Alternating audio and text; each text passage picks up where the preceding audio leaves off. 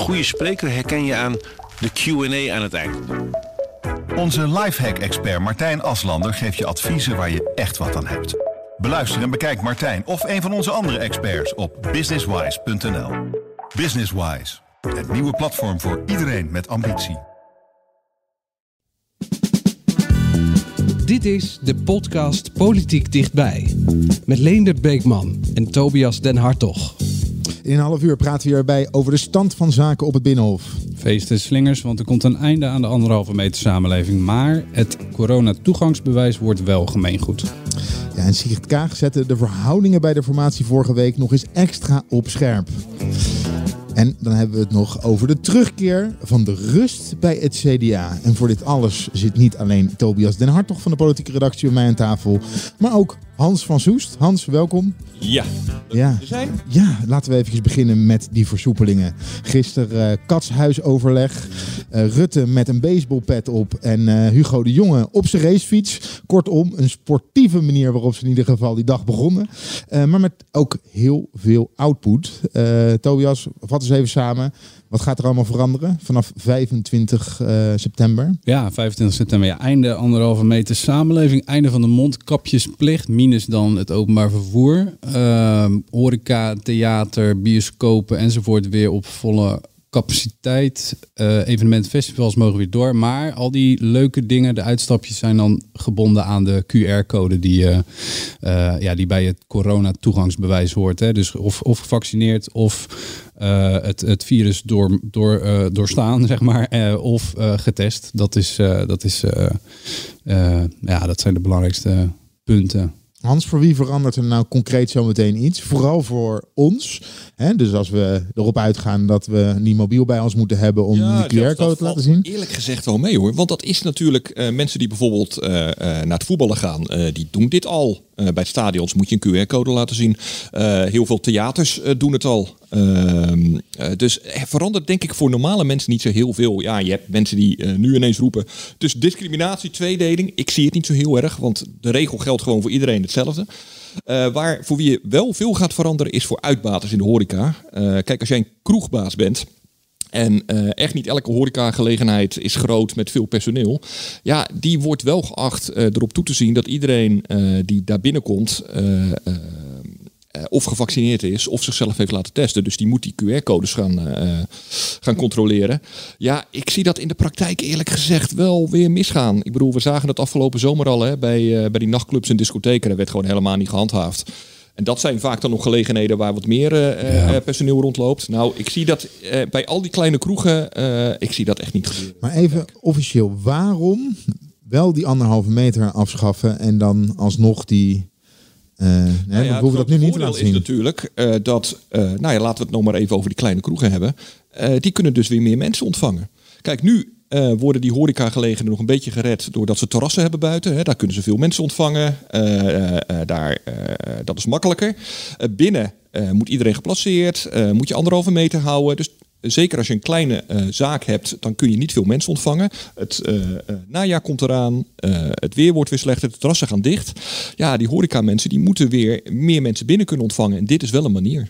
Ja, en niet vergeten, die anderhalve meter binnen, die, die heeft vergaande consequenties. Maar buiten was natuurlijk volstrekt ongeloofwaardige eh, maatregel waar niemand zich meer aan hield. En ook helemaal niet meer werd gehandhaafd. Dus ik bedoel, het is ook een beetje... ehm, nou ja, in die zin komt het ook wel goed uit dat het geloofwaardigheid van die maatregelen wel eh, eh, helpt. Als je, als, je, als je niet iets verbiedt wat, maar ja, waar mensen zich toch al niet aan houden. Nee, maar dan was het verhaal wel, omdat we de anderhalve meter afschaffen, moeten we ook aan de handrem trekken.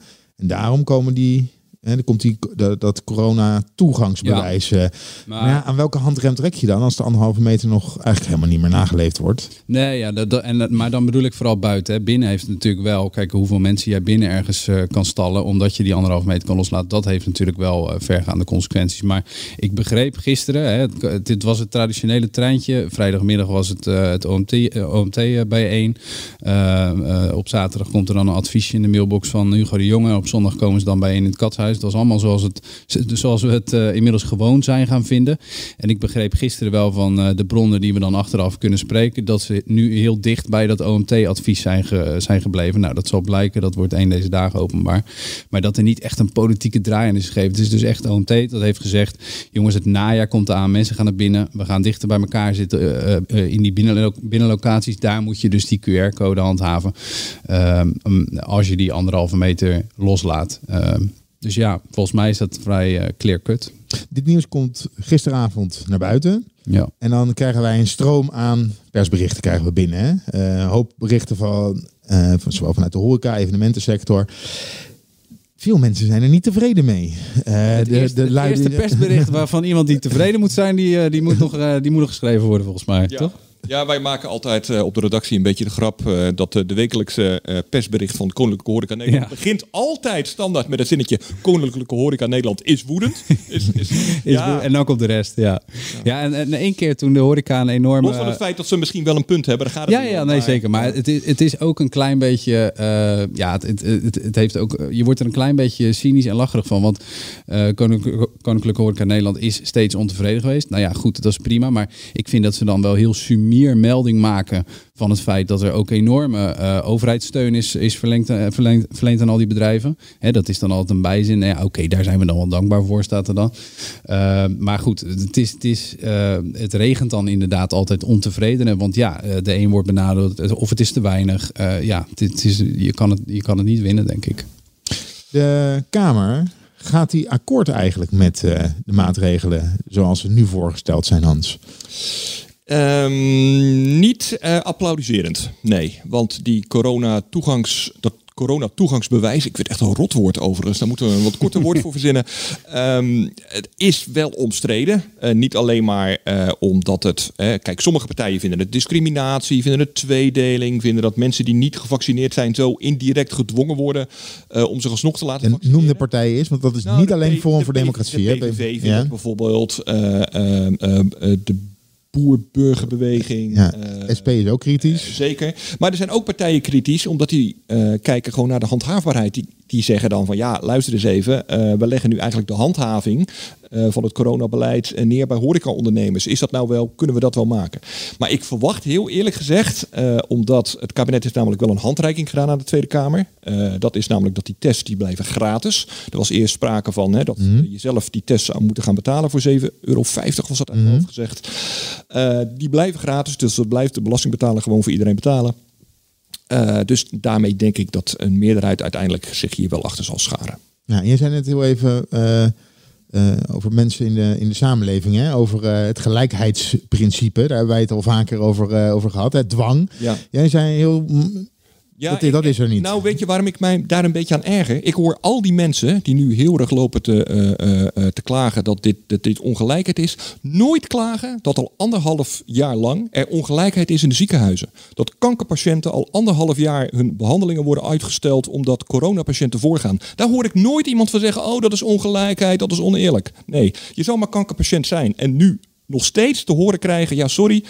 Eh, samen met 170.000 anderen. Je moet nog steeds even wel wachten. Want ja, eh, er komt mogelijk weer een nieuwe eh, corona. Maar nu ga ik even de Tobias spelen, de advocaat van de duivel. Ja, dat, dat, dat, dat het ene niet leuk is en slecht en beter moet, hoeft niet te betekenen dat je het andere daardoor ook ja, maar het zegt is niet van. zo dat wij tegen mensen zeggen: jij mag niet naar de kroeg, je mag niet naar het theater. Iedereen mag naar het theater. Alleen als je ziek bent niet. Ja, maar dat is nu ook al zo. Hè? En we zitten nog steeds in een pandemie. Ja, Ik vraag me ook af, hoe gaat dit, daar heb ik nog niets over gelezen, eh, wat betreft eh, privacyregels. Want eh, op veel plekken gaat er nu echt geregistreerd worden, of in ieder geval is bekend dat jij daar bent. Kan dat zomaar? Dan moeten we naar Tobias kijken, onze privacyman. Ja, nee, ja, nee, ik, vind- eh, ik, ik, ik keek er zelf van op op een, eh, op een Frans terras eh, dit, deze zomer. Dat ik, eh, ik, ik moest mijn QR-code laten zien. Nou, prima. En ik liet hem zien. En de ober zei, nou, welkom Tobias. En toen dacht ik, oh, wacht even. Eh, blijkbaar weet hij dat. Nou, ik heb me laten vertellen, maar ik zou het moeten uitzoeken. Maar ik heb me laten vertellen dat dat een soort van eh, dat dat opbliept, maar dat dat niet een locatie registreert. Of dat het niet wordt opgeslagen op dat apparaatje wat, eh, wat die ober hanteert. Dat is wat ik me heb laten vertellen. Maar dat, dat is iets voor, om uit te zoeken. Nee. Zien we verder nog, verder nog bezwaren? Of gaat dit gewoon... Nou, ik zie vooral bezwaren in de, in de, in de handhaving. Daar zie ik wel echt bezwaren in. Uh, uh, althans, ja. Ik bedoel, ik, ik bedoel, we zagen afgelopen zomer hoe toen we uh, de horeca, in ieder geval de nachthoreca weer opengooiden, hoe snel het aantal besmettingen weer opliep, omdat er domweg niet gehandhaafd werd. of omdat mensen sjoemelden met QR-codes. Ja, ik, ik, ik, ik zie dat eerlijk gezegd in de praktijk echt wel weer misgaan. En dat is een klein kroegje. Ik, ik heb begrepen dat bij, het, uh, bij de Formule 1 in Zandvoort... dat mensen ook niet hun QR-code hebben moeten laten zien. Terwijl volgens mij dat wel de afspraak was. Ja. Uh, ik was zelf in de arena bij het Nederlands elftal recent. Daar was het keurig. Je kwam echt niet door zonder, zonder dat je een groene, groen bliepje had, zeg maar. Dus ja, ik, als, als, als dat bij een evenement als Formule 1 al ja, lastig is... dan kan ik me voorstellen voorstellen dat het bij een kroeg, waarbij ze ook nog waarschijnlijk de bezoekers soms kennen, hè, vaste kroegtijgers kennen. Of, ja, of, ja, of lijkt me gewoon coronabazen geen uh, zin hebben in ruzie. Nee, precies. Nou, ja. Uh, Denemarken. Uh, heeft vorige week alle regels, alle coronamaatregelen laten vallen. Daar kan alles weer. Um, de jongen zegt, ik kijk daarnaar met spanning wat daar Mocht nou over een week blijken dat daar geen extra corona-gevallen zijn, is Denemarken dan ons voorbeeld? Gaan we dan ook heel snel weer van deze maatregel af zijn? Nou, ik denk eerder dat, dat hij andersom vreest. Dat hij bang is dat als het daar opleidt, wat moet je dan? Kijk, als, als uh, een Denemarken een succes is, uh, dan zullen ze daarna verwijzen en zeggen, nou goed, we hebben de juiste koers gevaren. Ik denk niet dat, dat er dan nog uh, versoepelingen in de versnelling gaan of zo. Dat lijkt me best wel, het OMT heeft, dat hetzelfde als de, Deense OMT. Ik bedoel, die zullen ook geadviseerd hebben. En Denemarken kiest een bepaalde strategie. Die zullen misschien wat meer op het bovenste randje van dat advies zitten. En Nederland wat meer het midden of aan de onderkant van dat advies zitten. Maar uh, het, het, ik, ik denk dat je dinsdag weer zult horen van ja, luister lieve mensen, dit zijn allemaal alle, alle plannen, dit zijn de prognoses en de voorspellingen. Maar we hebben nog steeds uh, uh, de armslag dat als het misgaat, we weer ingrijpen. En uh, ja, die drempel wordt wel heel hoog hè, om dat te doen, want het geduld van de mensen is echt wel een beetje op. Um, maar in die zin zullen ze, denk ik, vooral naar Denemarken kijken van nou, hopelijk gaat het daar niet mis. Want dan uh, bewijst dat dat wij op de goede koers zitten. Maar om daar een stap bij te zetten, ik denk niet dat ze dat snel aandurven. Oké. Morgenavond, dus dinsdag, de persconferentie van Rutte en Hugo de Jonge. Dan was er afgelopen weekend ook het partijcongres van het CDA, het lang verwachte partijcongres, waarin uh, partijleider Wopke Hoekstra eigenlijk de mislukte uh, verkiezingen moest verantwoorden en ook het vertrek van stemmenkanon Pieter Omzicht. En hij, blijft, hij bleef vrij makkelijk op de been. Ik sta hier om verantwoordelijkheid te nemen op een van de moeilijkste momenten in de geschiedenis van onze partij. En ik neem die verantwoordelijkheid omdat ik ten diepste overtuigd ben van de waarde van ons verhaal voor de samenleving. Ja, de partijtop kreeg nog wel wat huiswerk mee van de leden. Het gaat niet meer om personen, het gaat om onze partij. En hou die partij overeind en ga fatsoenlijk met mensen om.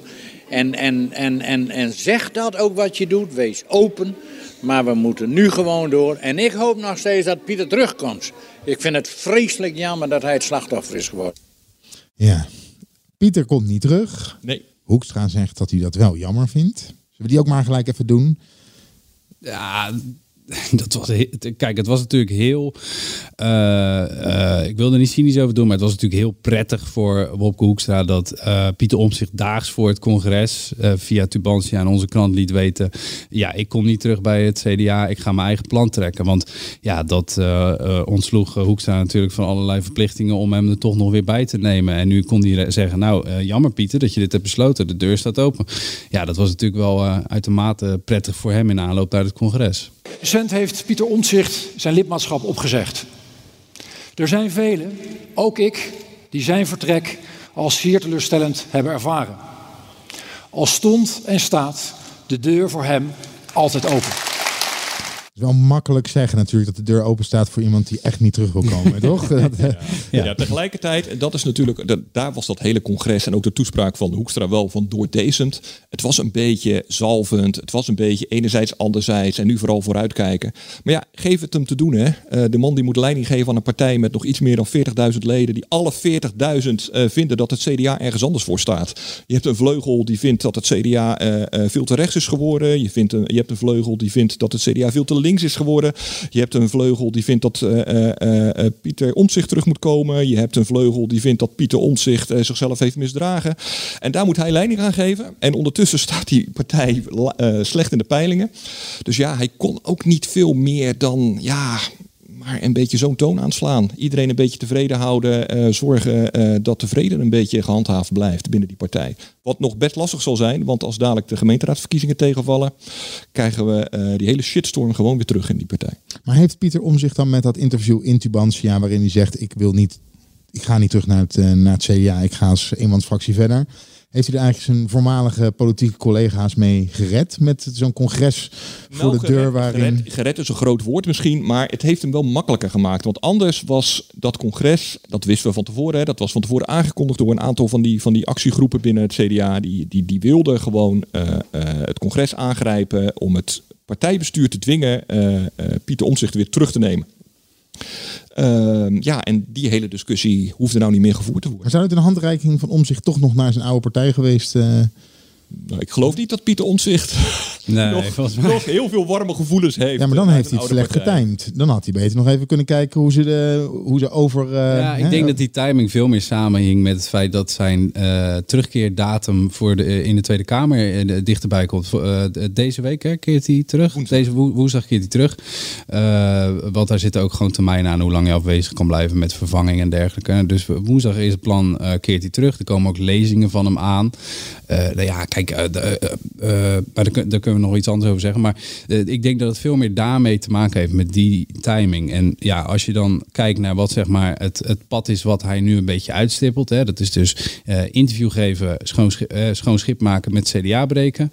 Woensdag terugkeren in de Kamer. Er komen lezingen van hem aan in de Bali en nog wat, wat plekken. Ehm, als je niet beter zou weten, zou je denken: die man is eh, eh, aan het bouwen, eh, aan zijn eigen partij aan het bouwen. Nou, zelf zegt hij eh, daar allemaal niet mee bezig te zijn. Eerst Nou voorlopig ja, nou, hij rustig. zegt dat hij daar nu niet mee nu niet mee bezig is. Nu niet mee bezig. Ja, dat is heel politiek, hè? Ja.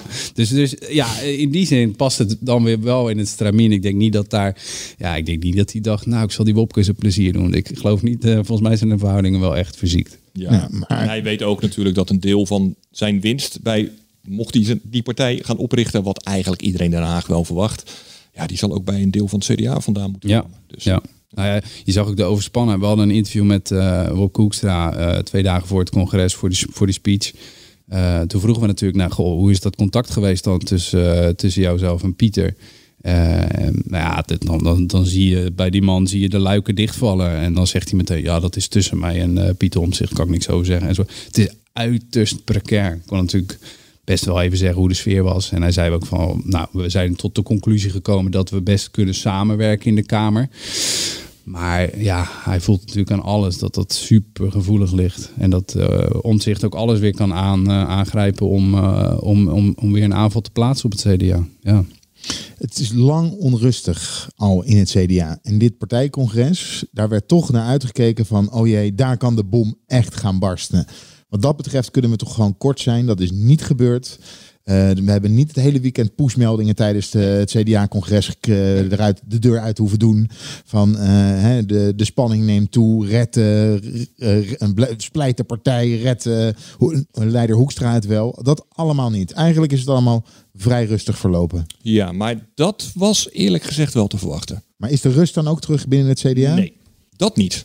Eh, want er blijven gewoon afdelingen ontevreden, zeker met de koers. En die hele formatie lang, eh, eh, mark my words, blijven er afdelingen vinden dat het CDA toch juist met eh PvdA en GroenLinks zal moeten gaan onderhandelen. En er zijn afdelingen die vinden dat we dat absoluut niet moeten doen. Dus die, die, het, het, CDA is gewoon een gespleten partij. Punt. Hoe je het of went of keert. Dat is het altijd geweest. En eh, dat wordt altijd een beetje gemaskeerd doordat zij in het vroeger, weet je eh, grote eh, overwinningen hadden. Ze waren een grote partij. ze hadden de leider in het torentje. Dus nou ja, daar was iedereen altijd wel tevreden. Maar zodra die partij enigszins electoraal onder druk staat, zie je altijd weer dat die koersdiscussie terugkomt. Altijd bij het CDA. Omdat ja, het partij, het is een middenpartij. Het is een beetje van links, het is een beetje van rechts. En niet elke CDA denkt hetzelfde. En dat zal ook nooit eh, gebeuren. Eh, ik vraag me wel eens af, Hans, stel nou in een parallel universum dat de CDA echt eh, de verkiezingen had gewonnen. Hè? Net, net, net over de VVD heen. Ja. Ik bedoel, dan was dit toch allemaal... Niet ik gebeurd. Ze hadden Golden Was Boys, Hugo de Jonge, Echt niet. Wel nee. Wel nee. Kijk, kijk naar eh, mooie parallellen wel te trekken in, eh, eh, wat was het, 2002. Toen hadden we ook zo'n soort situatie. Hè? Het CDA stond op scheuren. overigens met dezelfde partijvoorzitter die we nu hebben, Marnix van Rij. die toen een coup pleegde tegen de toenmalige partijleider Jaap de Hoop Scheffer. Ook toen was de partij volledig, lag in duigen leek het wel. Ze hadden geen goede inhoudelijke koers. Ze hadden ruzie over de koers. Zijn we links, zijn we rechts? Wat moeten we nou gaan doen? En ineens werd daar na die gekke verkiezingen, hè, na de moord op Pim Fortuyn, werd de eigenlijk relatief erg onbekende Jan-Peter Balkenende, die daar ook maar was gecatapulteerd als lijsttrekker, omdat ze eh, de rest allemaal eh, elkaar bont en blauw had geslagen in die partijtop. Die werd de leider, die werd zowaar ineens de grootste. Die werd, en ineens was die hele discussie ook, was ineens helemaal weg. Voor jaren. En die discussie kwam pas weer terug. Ja, toen Balkenende verloor. Ja. Een CDA moet, eh, moet ook nooit met een gedoodverfde premierskandidaat volgens mij komen. Dat deden ze in 94 ook. eh, met Ilko Brinkman. Uh, dat was ook geen succes. Als ze gaan roepen, we hebben de kroonprins, we hebben de nieuwe leider van Nederland hebben we, hebben we opgeleid. Dan lukt het niet. En als er een onbekende man met een bril. Ja, nou waren de omstandigheden in 2002 natuurlijk ook echt met niks anders te vergelijken. Dat waren echt bizarre verkiezingen ehm, waarin heel veel dingen meespeelden. En waarin het CDA gewoon een veilige vluchtheuvel was voor heel veel kiezers die het gewoon ook niet meer wisten. Um, dus ja, ik, ik vind het lastig uh, die uh, dingen met elkaar te vergelijken. Maar ja, uh, Rutte is op dit moment de vluchtheuvel voor die kiezer die in het verleden Jan-Peter Balkenende stemde. Weet je wel, mensen die gewoon een beetje in het midden zijn, die het anders ook niet zo goed weten. Uh, die, ja, die stemmen Mark Rutte. En die rol, die heeft, uh, ze dachten eigenlijk bij het CDA, nou, die uh, Rutte is uitgespeeld. Weet je, de kiezer is op hem uitgekeken. Nou, dat bleek toch anders te zijn. Ja. De kiezer heeft om gestemd. de formatie, hè, het vormen van een kabinet, dat zit er voorlopig nog eventjes niet in. Een minderheidskabinet wordt nu naar gekeken. En Tobias, wij zeiden vorige week hier al, het was geen fraaie week in Den Haag kunnen we nu rustig weer zeggen. Ja, dat, het was geen fraaie week in Den, uh, in Den Haag. Ik heb alles even op een rijtje gezet. Het spreekt vanzelf dat ik vereerd ben dat dit verzoek aan mij is gedaan. Ik heb gesproken over de inhoud van de schoollezing ja, met uh, de heer Remkes. Ze heeft u um, gezegd dat u een soort van ritselaar bent uh, zonder visie. U bent um, onbetrouwbaar en onmenselijk. Ik heb besloten geen commentaar te geven op de toespraak verwoord door mevrouw Kaag uh, in het kader van de schoollezing. U wilt, en op zich is dat prijzenswaardig, maar u wilt niet met de Partij van de Arbeid en GroenLinks in een kabinet. Ik ben onmiddellijk bereid morgen te starten met gesprekken als een van de twee partijen zou zeggen, we komen op een onderhandelingstafel. Ik weet, het gebeurt niet. Ze zeggen, waarom sta je niet te applaudisseren? Zegt, nou wat fijn dat jullie het met z'n tweeën willen. Nog grotere meerderheid, nog meer stabiliteit. De enige met wie u wel in het kabinet wil, maakt u uit voor rotte vis. Niet Remkes moet, uh, moeten doen. Hij wil duidelijk voortvarend van slag gaan. Maar de partijen zelf moeten het doen echt op inhoud uh, gericht. Dat spreekt mij zeer aan. Er is natuurlijk wel degelijk inhoud uh, gemaakt, alleen er is niet echt onderhandeld. Nederland verdient geen kabinet waar de heer de leider van de VVD buigt en kruipt en zich laat vernederen, zich laat politiek mishandelen door de leider van D66 en gewoon doen alsof er niks aan de hand is. Wanneer is het genoeg voor u? Erg is dat ik dat zelfs al niet meer kan uitsluiten dat er nieuwe verkiezingen komen. En dat vind ik wel erg. Want dat, tot voor drie weken had ik dat echt niet als optie in, in, mijn hoofd. En nu zou het kunnen. Ja, dit was de week uh, in Den Haag. Lelijke week. De formatie was een heerlijke week, zeg je. Ja, nou, een lelijke week. Lelijke, lelijke week. week. Oh. Maar uh, we hadden het net even over Mark Rutte. Hè? En dat iedereen een jaar geleden dacht, ah, die rol is echt wel uitgespeeld. De mensen zijn op en uitgekeken. Afgelopen dinsdag tijdens dat debat bleek maar weer eens dat Mark Rutte gewoon echt slimmer is dan de rest. Waar heel Nederland eh, zo langzamerhand, wat je ook gestemd hebt, zich kapot loopt te ergeren aan eh, wat er allemaal gebeurt in Den Haag. Hoe ze daar als schoolkinderen eh, gewoon weigeren met elkaar te spelen. Gaat hij daar ineens de dag nadat Sigrid Kaag, hoe je het ook went of keert natuurlijk, gewoon een openlijke aanval op hem inzetten in die schoollezing, zegt hij daar gewoon, daar ga ik niks over zeggen, want dat staat eh, eh, eh, de vorming van een, ik kan mijn energie beter gebruiken voor de vorming van een kabinet. Nou, punt, klaar. Ja, dat is, ja, dat was wel heel slim van hem. Nou, ik, vond het, ik, vond, ik, heb, ik vond het geniaal. Want wat Kaag deed, was zeggen, er wordt geritseld en gerommeld. En Kaag zat vooral een beetje naar het plafond te kijken toen hij dat zei. Ja, dat was wel veelzeggend. Ja. Ja, en politici die eh, zijn te veel eh, met elkaar bezig. Het moet toch de, de inhoud horen we er maar praten. En wat is de repliek van, eh, van Rutte? Ik, ga, ik ga dit, dit, Sowieso dit- bleek- deze persoonlijke aanval, waar ze dus eigenlijk zelf op tegen is, ga ik niet pareren, want ik moet het over de inhoud hebben. Sowieso Hij gebruikt haar eigen wapens. Ja, sowieso bleek dit debat maar weer eens dat ervaring in de politiek, eh, eh, dat dat toch wel helpt. Zeker in dit soort debatten, want ook Geert Wilders, hè, de langzittende fractievoorzitter van allemaal, die deed retorisch ook weer zoiets slims. Die wist in één zin ehm, Sigrid Kaag neer te zetten als een soort van drammer, hè, die, die, die haar wil wil opleggen aan de rest van Nederland. En tegelijkertijd Mark Rutte, zijn grote eh, eh, electorale rivaal, eh, neer te zetten als een soort van, van, van schoothondje dat alleen maar kwispelt als Sigrid Kaag ehm, eh, eh, eh, iets zegt. Ja, ik, retorisch was het briljant. En dat in één zin. Ehm, eh, er zijn weinig mensen die hem dat nadoen. Maar het was ook heel verwarrend om naar het debatje te kijken tussen Rutte en eh, Wilders. Om wat jij al zei, die Kaag in het shot op de achtergrond de boel zat te negeren. Die heeft eerst heeft ze alles op scherp gezet.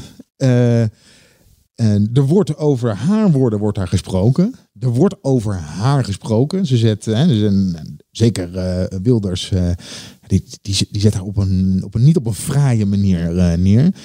En vervolgens gaat zij ook niks zeggen en dat negeren op de achtergrond. Het was, ik heb met, Nou ja, wat ze vooral deed was ontkennen dat ze een aanval had geplaatst. En dat was wel merkwaardig. Dat vond zelfs, denk ik, mensen die D66 hebben gestemd, zullen toch moeten zeggen, oh, maar dat is gek. Dus op de maandagavond sta je ferm eh, je partijpunten te verdedigen en daar waar je voor staat. Hè. Eigenlijk dat wat ze in de campagne ook al deed, die lijn trekten ze door. Eh, ze predikten nieuw leiderschap, ze wilden afrekenen met eh, eh, tien jaar Mark Rutte. Nou, dat herhaalden ze. En de dag daarna zei ze eigenlijk alleen maar... maar nee, dat heb ik helemaal niet gezegd. Nee hoor, ik sprak ook over mezelf. Eh, ze haalde ook volgens wel tot drie keer toe dat het een hele mooie speech was. Ehm, eh, ja, het, het was een beetje merkwaardig, toch? Ah, laten, we dan, laten we concluderen dan dat ze wel Mark Rutte bedoelde. Hè? Ik bedoel, eh, dat, dat, dat is allemaal gelul. Oké, dus dan zetten we daar een streep onder. Ze bedoelde Mark Rutte ze viel hem aan. Dan krijg je de vraag, maar wat bezielt haar dan om dat nu te doen? En eh, eigenlijk is daar nog niet echt een eh, helder antwoord op gekomen. Er kwamen wel reconstructieachtige lezingen achteraf van hoe dat nou precies is gegaan. En, en bij D66 is dan het verhaal. Deze speech die is in de zomer geschreven. Er zijn meerdere speechschrijvers mee bezig geweest. Die is stukje bij stu- stukje opgebouwd. Eigenlijk zoals het altijd gaat met een politieke speech. En ehm, ja, daar is eigenlijk niks nieuws gezegd. En ja, misschien is die hier en daar wat scherp. Dat is het verhaal van D66. Dan is er een lezing dat er op het laatste moment eh, door de woordvoerder van Kaag nog hele scherpe dingen richting Rutte in zijn gezet. Dus dat de basis eigenlijk eh, lag. Ook eh, onder meer door wat denkers van het wetenschappelijk bureau van D66. Hè, die, die schrijven dan, die leveren bouwstenen voor die zo'n zo'n schoollezing aan. Maar dat de woordvoerder van Kaag er nog even wat, wat peper in heeft gestopt richting Rutte. Nou, die woordvoerder, ik heb hem even opgezocht ook van de week, die ontkent dat bij hoog en bij laag. Nou, zou ik ook doen als de stront op je kop valt. Maar aan de andere kant, het kan ook waar zijn. Hè, dat hij, zegt, nee, dat is, dat is echt wel organisch tot stand gekomen. En dit stond er al weken in. Dit is allemaal, niet last minute en ook niet met de bedoeling Rutte. Maar als dat waar is, hè, als die lezing waar is, ja, dan, eh, dan is eh, Kaag dan blijkbaar in de positie dat ze de man waar ze vier jaar lang mee samen heeft gewerkt, waarmee ze eh, ja, ook weer afstevend op het kabinet, die ehm, haat ze dan in alle vezels of zo? Er kan natuurlijk ook nog heel iets anders aan de hand zijn, net Tobias. kan natuurlijk ook nog zijn dat er helemaal niks achter zit. Ja, dat het gewoon het een- dommigheid dat is. het gewoon dommigheid is. Eh, dat, dat moet je ook niet uitsluiten. In Den Haag is niet altijd, altijd alles heel goed doordacht. eh, van Nou, ik dacht, wil D66, die legt gewoon een bom onder, het minderheid, onder een minderheidskabinet. Ja, ze willen een minderheidskabinet eigenlijk voorkomen. Ja, dat maakt Ze willen ze... forceren dat Rutte alsnog... Precies, maar dat is toch het hele idee erachter. Ja, het idee erachter is, we gaan nu eh, vanaf moment 1 gaan we dat eh, minderheidskabinet, in ieder geval met D66, gaan we onmogelijk maken. En dat heeft ze eigenlijk bijna voor elkaar gekregen eh, eh, eh, vorige week. Nou had ze tijdens het debat het kunnen afmaken als ze zich daar wat meer mee bemoeid had. En er worden niet dat teruggenomen. Ehm, waardoor ze dus de enige optie nog overlaat, is een meerderheids, eigenlijk de eigen zin doordrammen, een meerderheidskabinet met Ja. eh, toch nog de GroenLinks en niks. jou gelijk nee schudden. Ja, d- nee, ik kan die redenering volgen. Maar dat, dat is, dat is dan, dan is het allemaal strategisch. En dan speel je verschrikkelijk hoog spel. Want wat gebeurt er nu? En dat is precies de kaart die Rutte speelt. Is, luister eens, CDA wil met mij. PvdA wil met mij. GroenLinks wil met mij. Eh, er zijn misschien nog wel meer. eh, eh, ja, 21 wil met mij. Alle, niemand blokkeert mij, hè, mij aan zich. Hij, Rutte blokkeert zelf PvdA en GroenLinks, maar ik blokkeer niemand aan zich. En jij noemt, dat, dat zou je kunnen zeggen. En jij noemt mij een ritselaar met een te mager moreel kompas en daar wil je allemaal niet mee in, mee in zee. Jij bent hier de blokkade in de, in de formatie. Ik bedoel, als het buitenskamer zegt hij dat niet. Maar binnenkamers zou hij natuurlijk best eh, flink op de trom kunnen slaan. Hij met- speelde meteen alweer in het debat de grote staatsman die boven de partijen Ja. staat. En heel graag een nieuw Ja. kabinet wil. eh, eh, en zich niet wil vermoeien met allerlei stekeligheden en partijpolitiek geruzie. Dat is de rol die hij meteen speelde dinsdag. Dus ja, Dan is de granaat van Kaag in de eigen hand ontploft in feite, toch? Ik bedoel, ja. Ja, en dan zegt Zegers, eh, ik had niet verwacht dat ik het ooit zou zeggen, maar misschien eh, toch nieuwe verkiezingen. Ja, en dat was best opmerkelijk. Hè? Dat was de eerste die hardop eh na Wilders, hè, Wilders die wil al weken verkiezingen. alle week na de verkiezingen wilde Precies. Volgens mij de dag daarna had hij het al over nieuwe verkiezingen. Maar Segers was eigenlijk de eerste die het echt hardop zei van ja, eh, ik vind het niet leuk, maar dit is in mijn hoofd gekropen. Nieuwe verkiezingen, dat zou wel eens in de buurt kunnen komen. Nou, kun je je afvragen hoe reëel dat is hoor. Ik bedoel, er moet echt nog wel wat water door de Maas. VVD voorlopig nog gewoon eh, het standpunt dat er nog heel wat stappen te nemen zijn. En Remkes gaat echt nog wel wat dingetjes bedenken. Dus dat is, maar het feit dat dat eh, nu om de hoek komt spelen, dat iemand dat hardop zegt, is wel een eh, moment om te markeren. Ja. Het zou toch echt een fucking disgrace zijn. Het zou een farce zijn, absoluut. Wat, wat, wat, wat komt er dan eigenlijk op neer? Dat politieke partijen in Den Haag in maart aan de, de burgers vragen: Nou, zeg jullie maar wat jullie willen. Nou, de burger zegt wat hij wil. En vervolgens zeggen die partijen dan, na, nou wat zijn we inmiddels een half jaar later. Ja, ja, u heeft gezegd wat u wilt, maar eh, eh, het bevalt ons eigenlijk niet. Zegt u het nog maar een keer. In de hoop dat er dan iets anders uitkomt of zo. Ja, het is echt ongelooflijk. Maar nou heeft Remkes Dan gezegd, zouden we eigenlijk collectief 150 mensen moeten ontslaan. Maar ja, dat kan niet. Dus nou heeft eh, de nieuwe eh, eh, informateur Remkes heeft gezegd, joh, als, als dat gekronkel en eh, gekakel en eh, dat ruzie maken doorgaat en we niet over de inhoud gaan praten, is het voor mij heel snel klaar. Maar als hij klaar is, zonder eh, dat hij eh, een nieuw kabinet eh, tot stand heeft gebracht, dan is er toch nog maar één optie. En dat zijn nieuwe verkiezingen. Of gaan we oneindig lang. Mm, kijk, er is in de politiek altijd nog een andere optie. Altijd. Dus desnoods, desnoods zet je een, een, een, een tussenkabinet eh, eh, eh, in elkaar. eh, wat nog. hè, dat, wat, bijvoorbeeld een Balken en de Drie. Of een, dat kan altijd. eh, er is altijd nog een optie. Laat dat maar aan een ritselaar als Rutte over. Ad van Soest, bedankt dat je er was. Tobias, jij ook bedankt. En vind je dit een leuke podcast? Abonneer je dan. Dat kan natuurlijk bij Apple Podcast en bij Spotify. Bedankt voor het luisteren en tot volgende week. We worden dagelijks overladen met overbodige informatie. En het is moeilijk de zin van de onzin te scheiden. Daarom vertrouw ik op echte journalisten in plaats van meningen. Een krantenmens heeft het gemakkelijk. Word ook een krantenmens en lees je favoriete krant nu tot al zes weken gratis. Ga snel naar krant.nl. Bezorging stopt automatisch en op deze actie zijn actievoorwaarden van toepassing. Een goede spreker herken je aan de Q&A aan het eind. Onze lifehack-expert Martijn Aslander geeft je adviezen waar je echt wat aan hebt. Beluister en bekijk Martijn of een van onze andere experts op businesswise.nl. Businesswise, het nieuwe platform voor iedereen met ambitie.